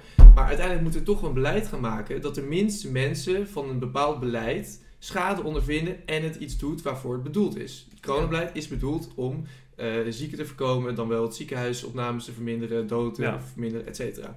Maar ja, wat, Jij vindt die nevenschade erger. En Precies. het feit dat je aan burgerrechten... maar kijk, ja, exact, exact. En nu komen we naar eigenlijk wat, dat heel erg dat inzoomen op het vaccineren. Dat is interessant. Het is goed dat we het erover hebben gehad. Ja. Maar het, is natuurlijk het grotere plaatje is wat het in het algemeen doet. Want uiteindelijk in, Voor de economie, voor de horeca, Ja, maar in een- in een- precies. jeugd. in een democratie hebben mensen grondrechten. En dat er in bepaalde momenten grondrechten inbreuk op wordt gemaakt, dat kan soms nodig zijn. Ja. Nou, in jouw ogen is dat dus nodig. In mijn ogen dus niet. Maar je moet uiteindelijk wel moeten we tot een consensus komen dat er niet meer zo'n polarisatie is. En dat we een beleid gaan voeren waar we mee door kunnen. Dat het leven weer, dat we weer kunnen gaan leven.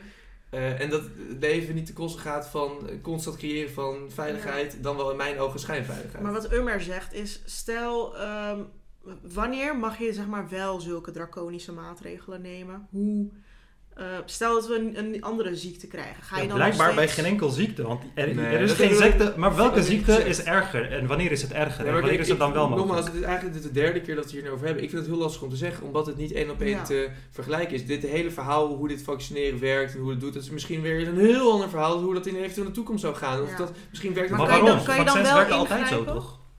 Maar zullen we maar even twee vragen dus Oh, sorry. Ja, ik begrijp niet zo goed waarom dit zo anders is dan alle andere pandemieën. Weet je, vaccins werken altijd zo. We hebben het vaccin dat we nu hebben gecreëerd is een van de meest effectieve vaccins die we ooit hebben gecreëerd. Hè? Dus het, het is de eerste keer dat het, het werkt altijd zo dat we een mRNA-vaccinatie hebben. En dat het op zo'n grote schaal in zo'n korte tijd voor het eerst gedaan mRNA-vaccins zijn niet voor het eerst gebruikt. Ja, Misschien op zo'n grote schaal. pandemie. Maar Ja, zo- op zo'n grote Ja, schaal precies. misschien. Ja, maar En dat je dus ook dus op zo'n grote schaal niet weet wat de middel- en lange termijn bijwerkingen zijn. er zijn geen lange termijn Nee, maar hoe, hoe, bijwerkingen. hoe, maar even een oprechte vraag. Hè? Ja. Hoe, hoe kan je dat weten? Als we, niet- als maar we dat kan ik je- niet- dat kan ik je- niet in de toekomst, hoor. Ja, maar dat kan ik je uitleggen. Kijk, het- je wordt gevaccineerd. In het vaccin zit de mRNA-code voor de spike protein. Jouw lichaam maakt die spike, spike protein. Jouw immuunsysteem reageert erop. Dat spike protein verdwijnt. Binnen twee weken is het onmogelijk om ook maar het kleinste deel van het, van het vaccin terug in jouw lichaam te vinden. Het enige wat in jouw lichaam gebeurd is, is er een spike protein aangemaakt. Dat is het enige wat is gebeurd. En dat krijg je ook bij het virus. Dus het is geschift om... Geschift. Het is, het is letterlijk geschift om te roepen van... Maar- wat zijn de lange termijn bijwerkingen van het vaccin als het virus precies hetzelfde doet, Maar maar, dan zijn- veel erger. Er zijn in het verleden vaccins gezet die lange termijn bijwerkingen Ja, hebben en, achteraf. ja, en daarom zijn mRNA-vaccins veiliger, want mRNA-vaccins bevatten niet de bestandsdelen van het virus. Normale vaccins, wat we doen, dan neem je het coronavirus en dan breek je het af in duizend stukjes en dan spuit je dat in. Of je kweekt het op in, kwik, in kippeneieren en je maakt het minder sterk, minder gevaarlijk en dat spuit je in. Dus die dingen zorgen voor veel meer bijwerkingen. Alle voorgaande vaccins zorgen voor veel meer bijwerkingen dan het eh, coronavaccin. Maar omdat nu zeg maar, mensen het hierover gaan hebben die niet, niet iets weten van vorige Ja, vaccins, dan is het van, eh, kijk, dit, vaccin wordt een beetje in de hoek gezet van, oh ja, het is een slecht vaccin, een lange termijn bijwerking en weet ik wat, maar niemand kan mij een plausibel farmacodynamisch effect opperen waaruit zou blijken dat het mogelijk lange termijn effecten zou hebben. Niemand kan dat. Dit is letterlijk het grootste experiment dat we ooit ik- hebben ik kan- gerund. Ik kan je echt gewoon verwijzen naar oprecht gerenommeerde mensen die dit ook zeggen. Of mensen die niet zeggen dat het zo is, maar in ieder geval die een kanttekening plaatsen en waarschuwen. Wie? Ja,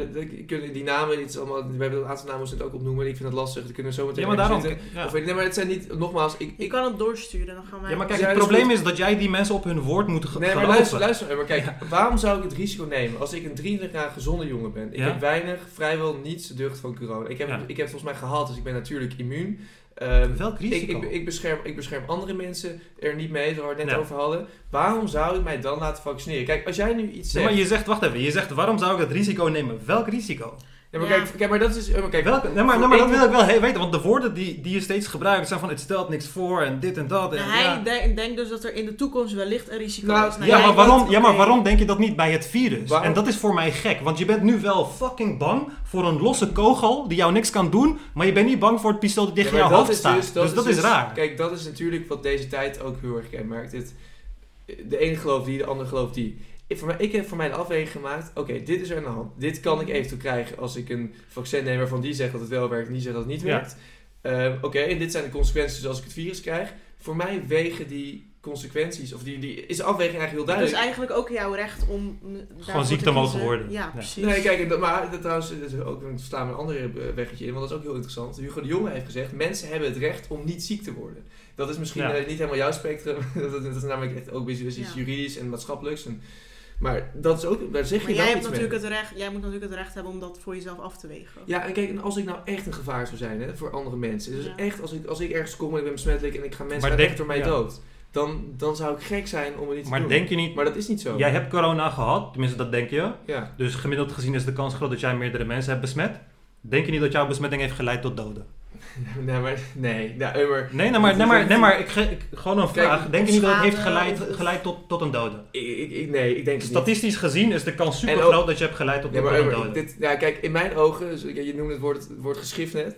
Ik, ik vind die, eh, die, dat je dat denkt, dat iemand soort van, omdat hij ziek is, terwijl dat een virus, ja, waait rond, ik leef, ik kom op plekken, dat je dan een virus krijgt wat je toevallig gaat doorgeven, onbewust, eh, dat, je, dat dat leidt tot doden, dat ik daardoor schuldig kan zijn. Ik vind dat persoonlijk geschrift, zonder dat Ja, ja, persoonlijk te worden. Ik ook Maar- hoor. Oh ja, Ik- nee, maar, nee, maar Oh, ik vind oké. het. Nee, maar kijk, ik vind het. Kijk, ik vind het op de manier waarop ik het zeg, is het natuurlijk. Maar ik zeg het alleen maar omdat jij zegt van ja, het is allemaal onschuldig, want ik mag gewoon ziek worden. Maar als je erover nadenkt op.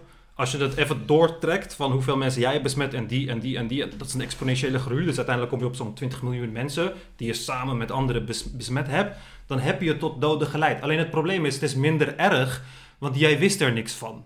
Als het ware. En het is ook onmogelijk te traceren wie jij hebt besmet en waar dat toe heeft geleid. En ook al zou er 10 besmettingen down the line iemand doodgaan, ben jij daar niet 100% eh, eh, Verantwoordelijk. voor. Dat heb je samen gedaan met andere mensen die, die besmet de hebben. natuur, de natuur. ja, ja, precies, precies. Dus ik zeg ook niet van, oh ja, jij moet nu in de cel in of je bent een slecht persoon. Maar ik laat wel zien dat, kijk, het gebeurt wel. Alleen omdat wij die informatie niet hebben, is, is er geen probleem. Het is zo indirect. Dit, En ik kan die lijn niet trekken. uitzoomen. Maar dan zou Marijn dus zeggen, die mensen die eraan doodgaan zijn allemaal oude mensen en met onderliggende ziektes. Waarom sluiten die zichzelf niet op terwijl Omdat het niet werkt. doorgaat? Omdat elke land die alleen de, de, de kwetsbare groep heeft probeerd te beschermen, heeft gefaald. Dat werkt niet. Maar oké, laten we nu echt dan naar, de, naar die toekomst gaan en het, het grotere plaatje inderdaad. Ja. Dus want hoe je het went of keert en wat je ook, waar, hoe je dat ook moet interpreteren.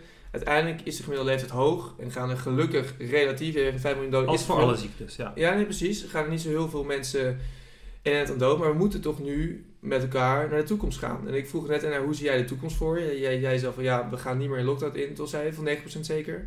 ja. Omdat je denkt dat Ja, het einde zicht niemand, is. dat weet niemand. Nee, maar het grote plaatje, wat vinden wij als samenleving normaal? Vinden wij inderdaad dat, dat we zoveel veiligheid moeten creëren, dat je daar heel veel vrijheid voor inlevert, maar dus wel tussen aanstekens veilig bent? Dus dat, dat geldt voor heel veel dingen tegenwoordig. Want Marian Zwager noemt bijvoorbeeld het rubberen tegelparadijs, hè? ja. Dat in de speeltuin spelen en dan allemaal rubberen tegels. Terwijl ook een heel grappig, interessant... Kinderen eh, die te dik worden. Ja. Iedereen in mijn familie is ineens... eh, dat is een heel trouwens, heel mijn huisgenoot stuurde een heel interessant Engels, eh, best wel oud volgens mij, eh, wetenschappelijk eh, stuk. Die had helemaal onderzocht inderdaad Ja. wat uiteindelijk een, hoeveel kinderen, als er dus geen rubberen tegels in de speeltuin zijn, hoeveel kinderen raken dan eh, gewond of gebeurt iets ernstigs. Ja. Maar dat uiteindelijk kinderen daardoor veel meer leren verantwoordelijk te zijn. En veel meer leren eh, voor elkaar te helpen en op te letten. En, Oh ja. en dat is dan ook een bruggetje maken naar deze tijd. Is het dan, moeten we dat dan nu ook niet die kant op gaan, maar als samenleving in het algemeen? Ja, Maar moet dat niet voor alles gelden, denk je? Waarom, waarom moet je een helm opdoen als je een scooter rijdt? Ja, precies. Kijk, dat is, maar dat zijn dingen Het zou eigenlijk niet hoeven. Nee, nee, exact. Hetzelfde met een veiligheidsgordel zou eigenlijk niet hoeven. Je zou Exact. eigenlijk geen boete ervoor moeten krijgen. Het is absurd dat een agent jou in de, binnen de bebouwde kom aanhoudt en zegt van waarom heb je gordel niet om. De kans op een ongeluk in een bebouwde kom is zo klein. Nee. Meestal ongelukken gebeuren op hoge snelheid, dat weet ik veel wat Nee, allemaal. Dus je kan het overal gebruiken. Ja, Weet je, dus, dus moeten we dat doortrekken naar overal volgens jou? Nee, maar dat is, da- daarom vind ik dus heel interessant om het aan jullie voor te leggen inderdaad. Want dat is uiteindelijk waar dit allemaal om gaat. Wij, wij, wi- wij vinden dus dat de verantwoordelijkheid voor bij een overheid ligt om ehm, ons te beschermen tegen in dit geval een virus. Nee, maar ik denk niet dat de verantwoordelijkheid bij de overheid ligt. Nee, de maar zo verantwoordelijkheid ligt ook bij de burgers. Het is maar hoe bereid jij bent om het serieus te nemen. En zodra, zodra dat niet serieus wordt genomen, dan gaat de overheid pas komen met, met regeltjes en met wetten en dat soort dingen. Nee, maar het is toch wel, inderdaad, je bent het met je eens hoor. De verantwoordelijkheid ligt uiteindelijk bij onszelf. Maar het is natuurlijk in deze tijd, in mijn ogen, hoe ik het bekijk, is dat mensen wel heel volgzaam zijn. Als ze zeggen mondkapje op, mondkapje af, mondkapje et cetera. En er zijn er heel veel maatregelen waar mensen eigenlijk de verantwoordelijkheid voor hun veiligheid vaak bij de overheid leggen. Dus dat is ook dat je natuurlijk tegenwoordig heel vaak ziet het vingertje wijzen van ze En jij denkt dat dat eh, potentieel gevaarlijk is? Dat de overheid zoveel macht heeft? Nou, niet macht. Dat zijn, ja, ze, ze hebben misschien wel in zekere zin steeds meer macht. Maar dat bedoel ik eigenlijk niet echt te zeggen. Meer het feit dat mensen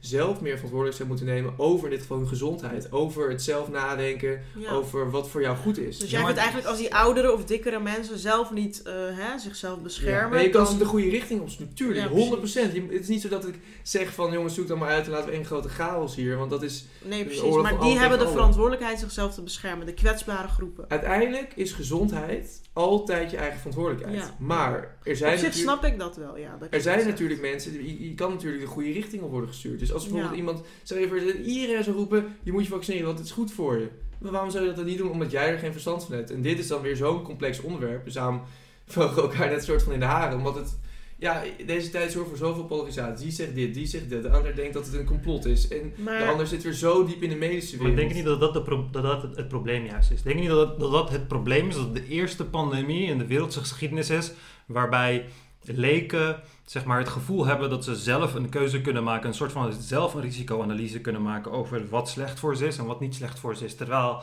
de geschiedenis ons leert dat dat helemaal niet het geval is. Mensen zijn super slecht in. Kijk, kan je een voorbeeld geven. Hè? Wij vertellen ehm daklozen, ten tijde van de AIDS-pandemie, vertellen wij daklozen en eh, heroïneverslaafden van deel geen naalden. Dat is goed, toch? Dat is een, advies, een goed advies om te geven, want HIV wordt overgezet door naalden. De kans om HIV te krijgen van een naald die je deelt met iemand die HIV-positief is, is even klein als doodgaan van corona. is ongeveer 0,5%.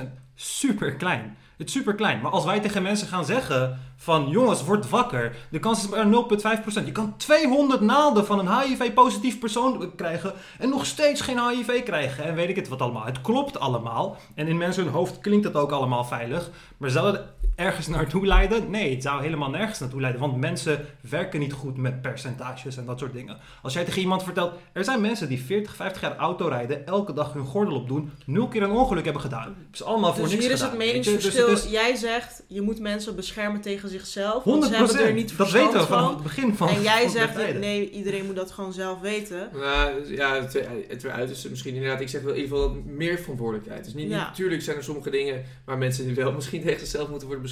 Ja, Maar in ieder geval me- veel meer verantwoordelijkheid naar de burger zelf. Want ik, ja, ik schat die mensen toch iets hoger in dan jij, hoor.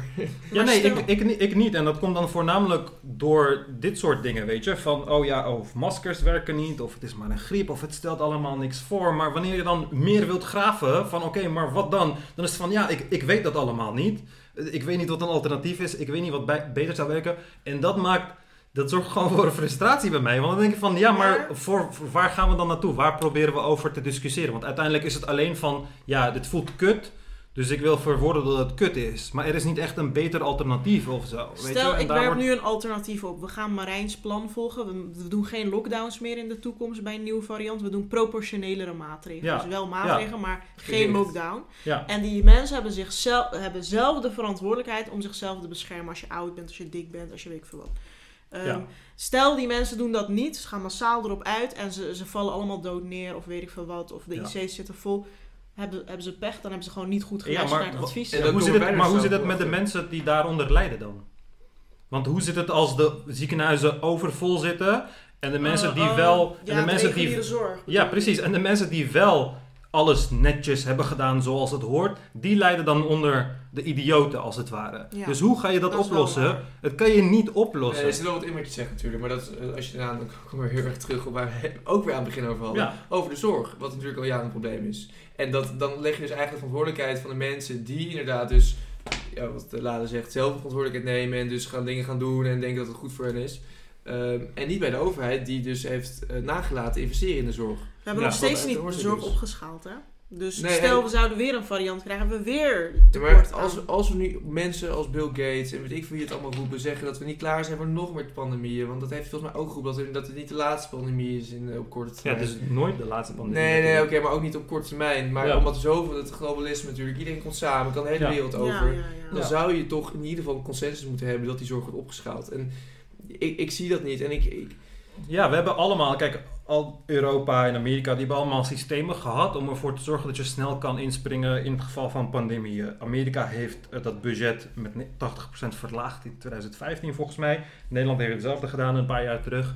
Dus, en toen ze dat hadden gedaan, was er niemand die zei van, hé hey jongens, maar er zou ieder moment een pandemie kunnen komen en weet ik veel wat allemaal. Dus zelfs als we het nu gaan opschalen, ik, we weten allemaal hoe mensen werken. Als we tien jaar geen pandemie hebben gehad, dan schrijft er weer een politicus een artikel van... ja, kijk, luister, zoveel miljard gaat daar naartoe. Wordt helemaal geen reet gedaan. Is het allemaal IC-bedden leeg. Daar wordt voor betaald en die zijn leeg en weet ik het veel wat allemaal. Over tien jaar zijn mensen dit vergeten. En dan is het waar van, oh, kunnen we daar 5 miljard besparen? Ja, doe maar. Weet je, dat is de fout die we telkens maken. Dus ook al ja, gaan we elke keer eh, eh, eh, midden in een pandemie weer opschalen tegen de tijd van de volgende pandemie zitten we weer, weer op het oude level. Dat is, dat is het probleem waar wij de hele tijd mee worstelen als maar je moet toch heel zeg maar. snel kunnen op- en afschalen. Ja, en da- daar ligt het probleem. Want je hebt in principe robots nodig die bereid zijn om dat werk te doen. En af en toe om de zoveel tijd. Kijk, ik ben er voor, ik ben er 100% voor om gewoon een paar duizend eh, IC eh, eh, mensen te hebben. Die gewoon, als er geen pandemie is en ze hoeven geen IC-werk uit te voeren, gewoon extra doorbetaald. Voor het feit dat ze dat gewoon hebben. hebben voor het feit dat ze hebben gestudeerd ervoor, ook al doen ze het werk niet. Maar ja, heel veel mensen gaan het daar niet mee eens zijn, zodra dat een grote kostenpost wordt. En nu zal, zullen mensen er wel mee eens zijn, maar over vijf of tien jaar, dan gaat het weer, dan, dan eh, gaat het weer omlaag. Dus dat is voor mij een wat, wat groter probleem, weet je wel. Ik wou nog wat anders zeggen. Die Omicron-variant, ja, we hebben net gezien, er liggen maar 200 mensen of zo in het ziekenhuis waar alles open is. Dus die Omicron-variant, daar zijn we het een beetje over eens met z'n allen, Ja. is niet zo gevaarlijk. Op Stel, de we korte zouden... termijn, hè? Ja, we weten stel de we lange termijn effecten nog niet, maar het boeit niemand. We zouden nu... ook niet, dus dat boeit ook niet. ja. Ja, maar stel we zouden nu iedereen met Omicron laten besmetten. We zeggen jongens, ga elkaar lekker besmetten, want dat werkt een beetje als, natuurlijk, als een natuurlijk vaccin. Zou je het daarmee eens zijn? Nee, absoluut niet. Omdat eh, het beste zou zijn om een, om, een, eh, om een vaccin te hebben die meerdere varianten. Kijk, we weten nu van Omicron dat als Omicron, dat Delta-besmetting beschermt bijvoorbeeld niet tegen Omicron. Oké, dus je kan iedereen met Omicron laten besmetten en dan ben je beschermd voor Omicron. Mhm. Maar de hoeveelheid eh, eh, viral replication, dus de hoeveelheid virusdeeltjes in de wereld, is dan zo gigantisch groot dat je met simpele kansberekening eh, kan berekenen hoe groot de kans is dat er een nieuwe variant opduikt die vervolgens de Omicron eh, immunity kan omzeilen, zeg maar. En Mhm. daar, daar ligt je probleem. Kijk, tot nu Ah, toe zijn al die varianten gekomen uit landen waar je weinig ongevaccineerden hebt en waar je bijna geen regeltjes hebt. Weet je, Zuid-Amerika, India, Brazilië, allemaal dat soort... Maar, eh, als soort landen. We richten ons natuurlijk heel erg over het virus inderdaad en zo. En als we eventjes kijken naar hoe reageert de maatschappij. We zien natuurlijk, eh eergisteren was het onverdeeld open. Dat is op nu bijna een half miljoen keer ondertekend. Dus eigenlijk zie je nu ook wat ik net zei, refereerde politierapport. Dat eigenlijk mensen de regels niet meer handhaven en er een beetje klaar mee zijn. Ja. Zou je dan ook als medicus daarnaar luisteren? Ja, 100%. Maar ik ben er 100% van overtuigd dat al deze dingen, dat mensen niet willen luisteren en weet ik veel wat allemaal, het komt niet door het, door het virus of het komt niet door de regering. Het komt puur en simpelweg door de enorme vloedgolf van misinformatie die Ik we denk hebben gehad. De mensen, die Natuurlijk dit, de wel. mensen die dit roepen, Mona Keizer, die roept openlijk dat het heel verstandig is om je te vaccineren. Het zijn allemaal mensen Mhm. die nu... Maar waarom heb je dan niet gevaccineerd als ze dat roept?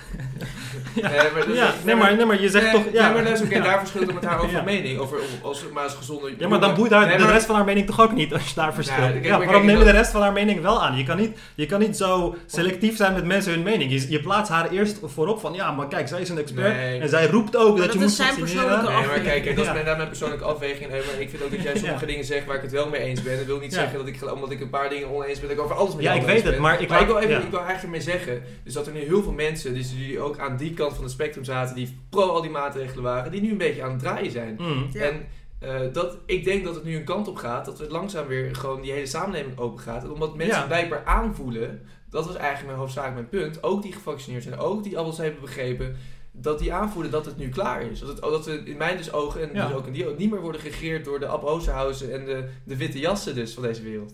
Ja, ja, Maar- maar daar gaan we toch ook naartoe. Ik denk toch ook dat niemand maar heel Afrika is nog ongevaccineerd. ja, dat is een probleem. En ik denk dat we ons veel meer daarop moeten focussen. En ik denk dat we ons als soort van aan de top Dan van de wereld toch- moeten, moeten schamen om het feit dat wij aan het kibbelen zijn van oh, ik wil een booster of ik wil geen booster, terwijl de helft van de wereld nog niet gevaccineerd is. Weet je, ik denk dat Maar ik denk proces- mezelf, dan geeft die mensen eerder wat eten en eh, primaire levensbehoeftes ja, dan, dat eh, hoor ik ook vaak. dan, dan wat vaccinaties.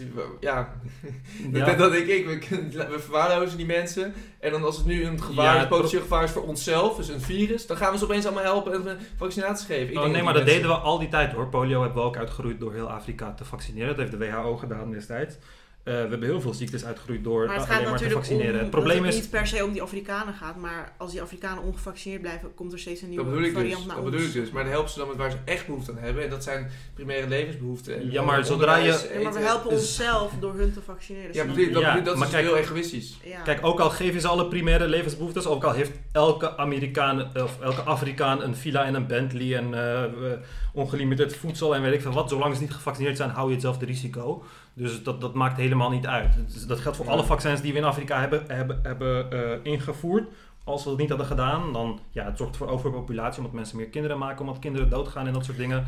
Ik wil het Dus- als laatste hebben over de schade van de lockdown en, en die maatregelen. Ik ken bijvoorbeeld persoonlijk mensen die, ehm, ja, kinderen die veel dikker zijn geworden omdat ze niet naar sport en zo kunnen. Maar ook mensen die eh, online les helemaal zat zijn en geen concentratie kunnen hebben. Omdat online les natuurlijk totaal niet te vergelijken is met fysiek les. Eh, mensen die bijvoorbeeld eh, voor de corona tweede studie erbij hadden genomen en hele goede cijfers hadden. En door online les gewoon school helemaal los hebben gelaten. Ja. En dat soort schade heb je dus ook, omdat ze gewoon niet kunnen focussen op de hele dag naar een beeldscherm kijken en zo. Ja. En nou, jij, jij noemt het al, psychische schade, dit en dat. ehm. en ja, in hoeverre kun je zeg maar dat eh, laten doorlopen? Dus het is eigenlijk een vraag aan Umer. eh, in naam van gezondheid. Is dat niet uiteindelijk... Ja, kijk, ik heb me hier vaker over uitgesproken. Het feit dat er nu allemaal nieuwsberichten eh, verschijnen met... ja, helft van de kinderen heeft depressieve gedachten of gevoelens of whatever. Ik geloof zeker dat daar een stijging in zit, maar dit is niet een nieuw probleem. Hè? Er zijn artikelen uit 2018 die ook claimen dat helft van de jongeren denkt aan zelfmoord en, Enorm heeft. gestegen. En dat soort Het is wel ja, gestegen. ja, natuurlijk is het gestegen. Dat, dat, dat eh, probeer ik ook niet weg te zetten. Maar het is niet dat dit probleem, eh, dat, dat de, de lockdown de oorzaak is van het probleem. Dat is een probleem dat eerder was. Zelfs toen de clubs open waren en we festivalen hadden en iedereen de drinken. zorg. was ook eerder een probleem. Het is Ja. een gigantisch probleem. Ja, precies. Dus kijk, dat probleem was er eerder al. Dus zelfs als wij nu alles open gaan gooien, gaat dat vorige probleem gaat blijven. Hè. 2018 nog steeds helft van de kinderen, helft van de jongeren heeft last van depressie en weet ik veel wat allemaal. Dus dan wil ik weten van hoe gaan we dat oplossen? Want ik, het is gewoon nu heel erg duidelijk dat dit argument alleen maar wordt gebruikt om te zeggen van, oh kijk, dit is een nadeel van de lockdown en daarom moet de lockdown weg. Maar dan wil ik heel Het heeft graag- ook heel Ja. veel economische schade, Ja, natuurlijk. natuurlijk. Over de economische schade, daar, daar heb ik het nu niet over. Maar over die psychologische schade, zodra die lockdown weg is, en die schade is er nog steeds, wel minder, maar het is er nog steeds. Als ik dan niet dezelfde mensen die de hele tijd, oh ja, kinderen en depressie en weet ik wat, die daar, da- daarover hebben, als die nog steeds niet hun mond opentrekken over datzelfde onderwerp, en in plaats Nee. daarvan juist naar de club gaan en het verder niet boeit dat er depressieve mensen thuis zitten, dan is dat een probleem, want dat is intellectueel dishonest. Ja, ik, ik, snap zeg je, maar. ik snap je eigenlijk zeggen, dit is een al veel eerder probleem. Laten we ook dit serieus nemen. De mentale gesteldheid van jongeren. Daar ben ik het ook 100% mee, over, mee eens. Want dit is inderdaad een probleem en nu wordt het uitvergroot en we moeten het niet straks opeens weer vergeten. Ja. Dus dat ben ik helemaal met je eens. Maar we moeten niet bagatelliseren dat, de, de lock, dat het al een probleem was en dat door de lockdown het misschien een beetje gestegen is. Ja. Maar een beetje hypocriet om er nu te, over te uit te spreken. Net zoals eigenlijk met, net zelfs met ziektes. Ik bedoel, handen schudden deden we altijd maar elke winter. Zonder het erbij, wat jij net zei, ja, misschien Ja. wordt daardoor iemand ziek en dan heb jij geen idee. Ja. Maar los van dat ik vind dat dat gewoon moet kunnen, is het wel allemaal, dingen waar je nu over na moet denken. En daar dus ook mentaal gesteld van jongeren moet je serieus nemen. En niet nu, maar ook in de toekomst. Ja. Dus eh, het is goed, ik heb laatst een docent gesproken in de, ja, die talkshow waar ik helemaal het begin over had, die uitkomt binnenkort. Die, heeft, die was toevallig, Suzanne Langelaan heet ze, een docent bij ROC Kop van Noord-Holland. Die was voor coronatijd al bezig met een, het vak mentale gesteldheid onder jongeren. En dat dan al ja, oprichten Hmm. en die is het nu een beetje aan het vormgeven. Want het gaat nu in een stroomverstelling. Maar meer aan te geven Ja. dat het inderdaad al een erkend probleem is, al lang. En eh, en laten we dat in ieder geval met elkaar dan serieus gaan nemen. En andere dingen die deze tijd eh Ik hoop dat dat naar boven zijn gekomen. Ik hoop dat één van de voordelen van deze pandemie gaat zijn. Kijk, ook het feit dat niemand wist dat griep eigenlijk best een serieuze ziekte is. En Ja. dat, dat, dat sommige jaren zorgt voor druk op de zorg. Weet je, die artikelen, die nieuwsberichten, die ja, verdwenen een beetje in de achtergrond in dat soort periodes. En ja, het boeide ons niet, want wij zijn jongeren en wat boeit de griep ons nou? Dus, Ja. En hetzelfde met als jij gelukkig bent als jongere, dan boeit het niet dat de helft van de jongeren dat soort problemen heeft. Maar ik hoop dat de pandemie ervoor zorgt dat mensen wat meer eh, begrip hebben voor die onderwerpen. Kijk, weet wat, je? Dat is wel belangrijk. toch... eh, zie, zie, Dat eindigen we positief. Ja, maar, maar, maar niet om, Ja. misschien, ik weet niet wat jij er denkt, maar ik denk in de kern, kijk natuurlijk denken we anders over dingen, maar in de kern willen we eigenlijk allemaal hetzelfde. En dat probeer ik Ja. ook te benadrukken. Alleen wij, wij, wij willen voor die dingen, dus die vrijheid, gezondheid, liefde, bla bla bla bla, willen wij, eh, zien wij andere wegen. Ja, kijk, het is voor mij... Kijk, ik zit heel erg in de wereld van de misinformatie, weet je. Misinformatie probeert te bestrijden en dat soort dingen.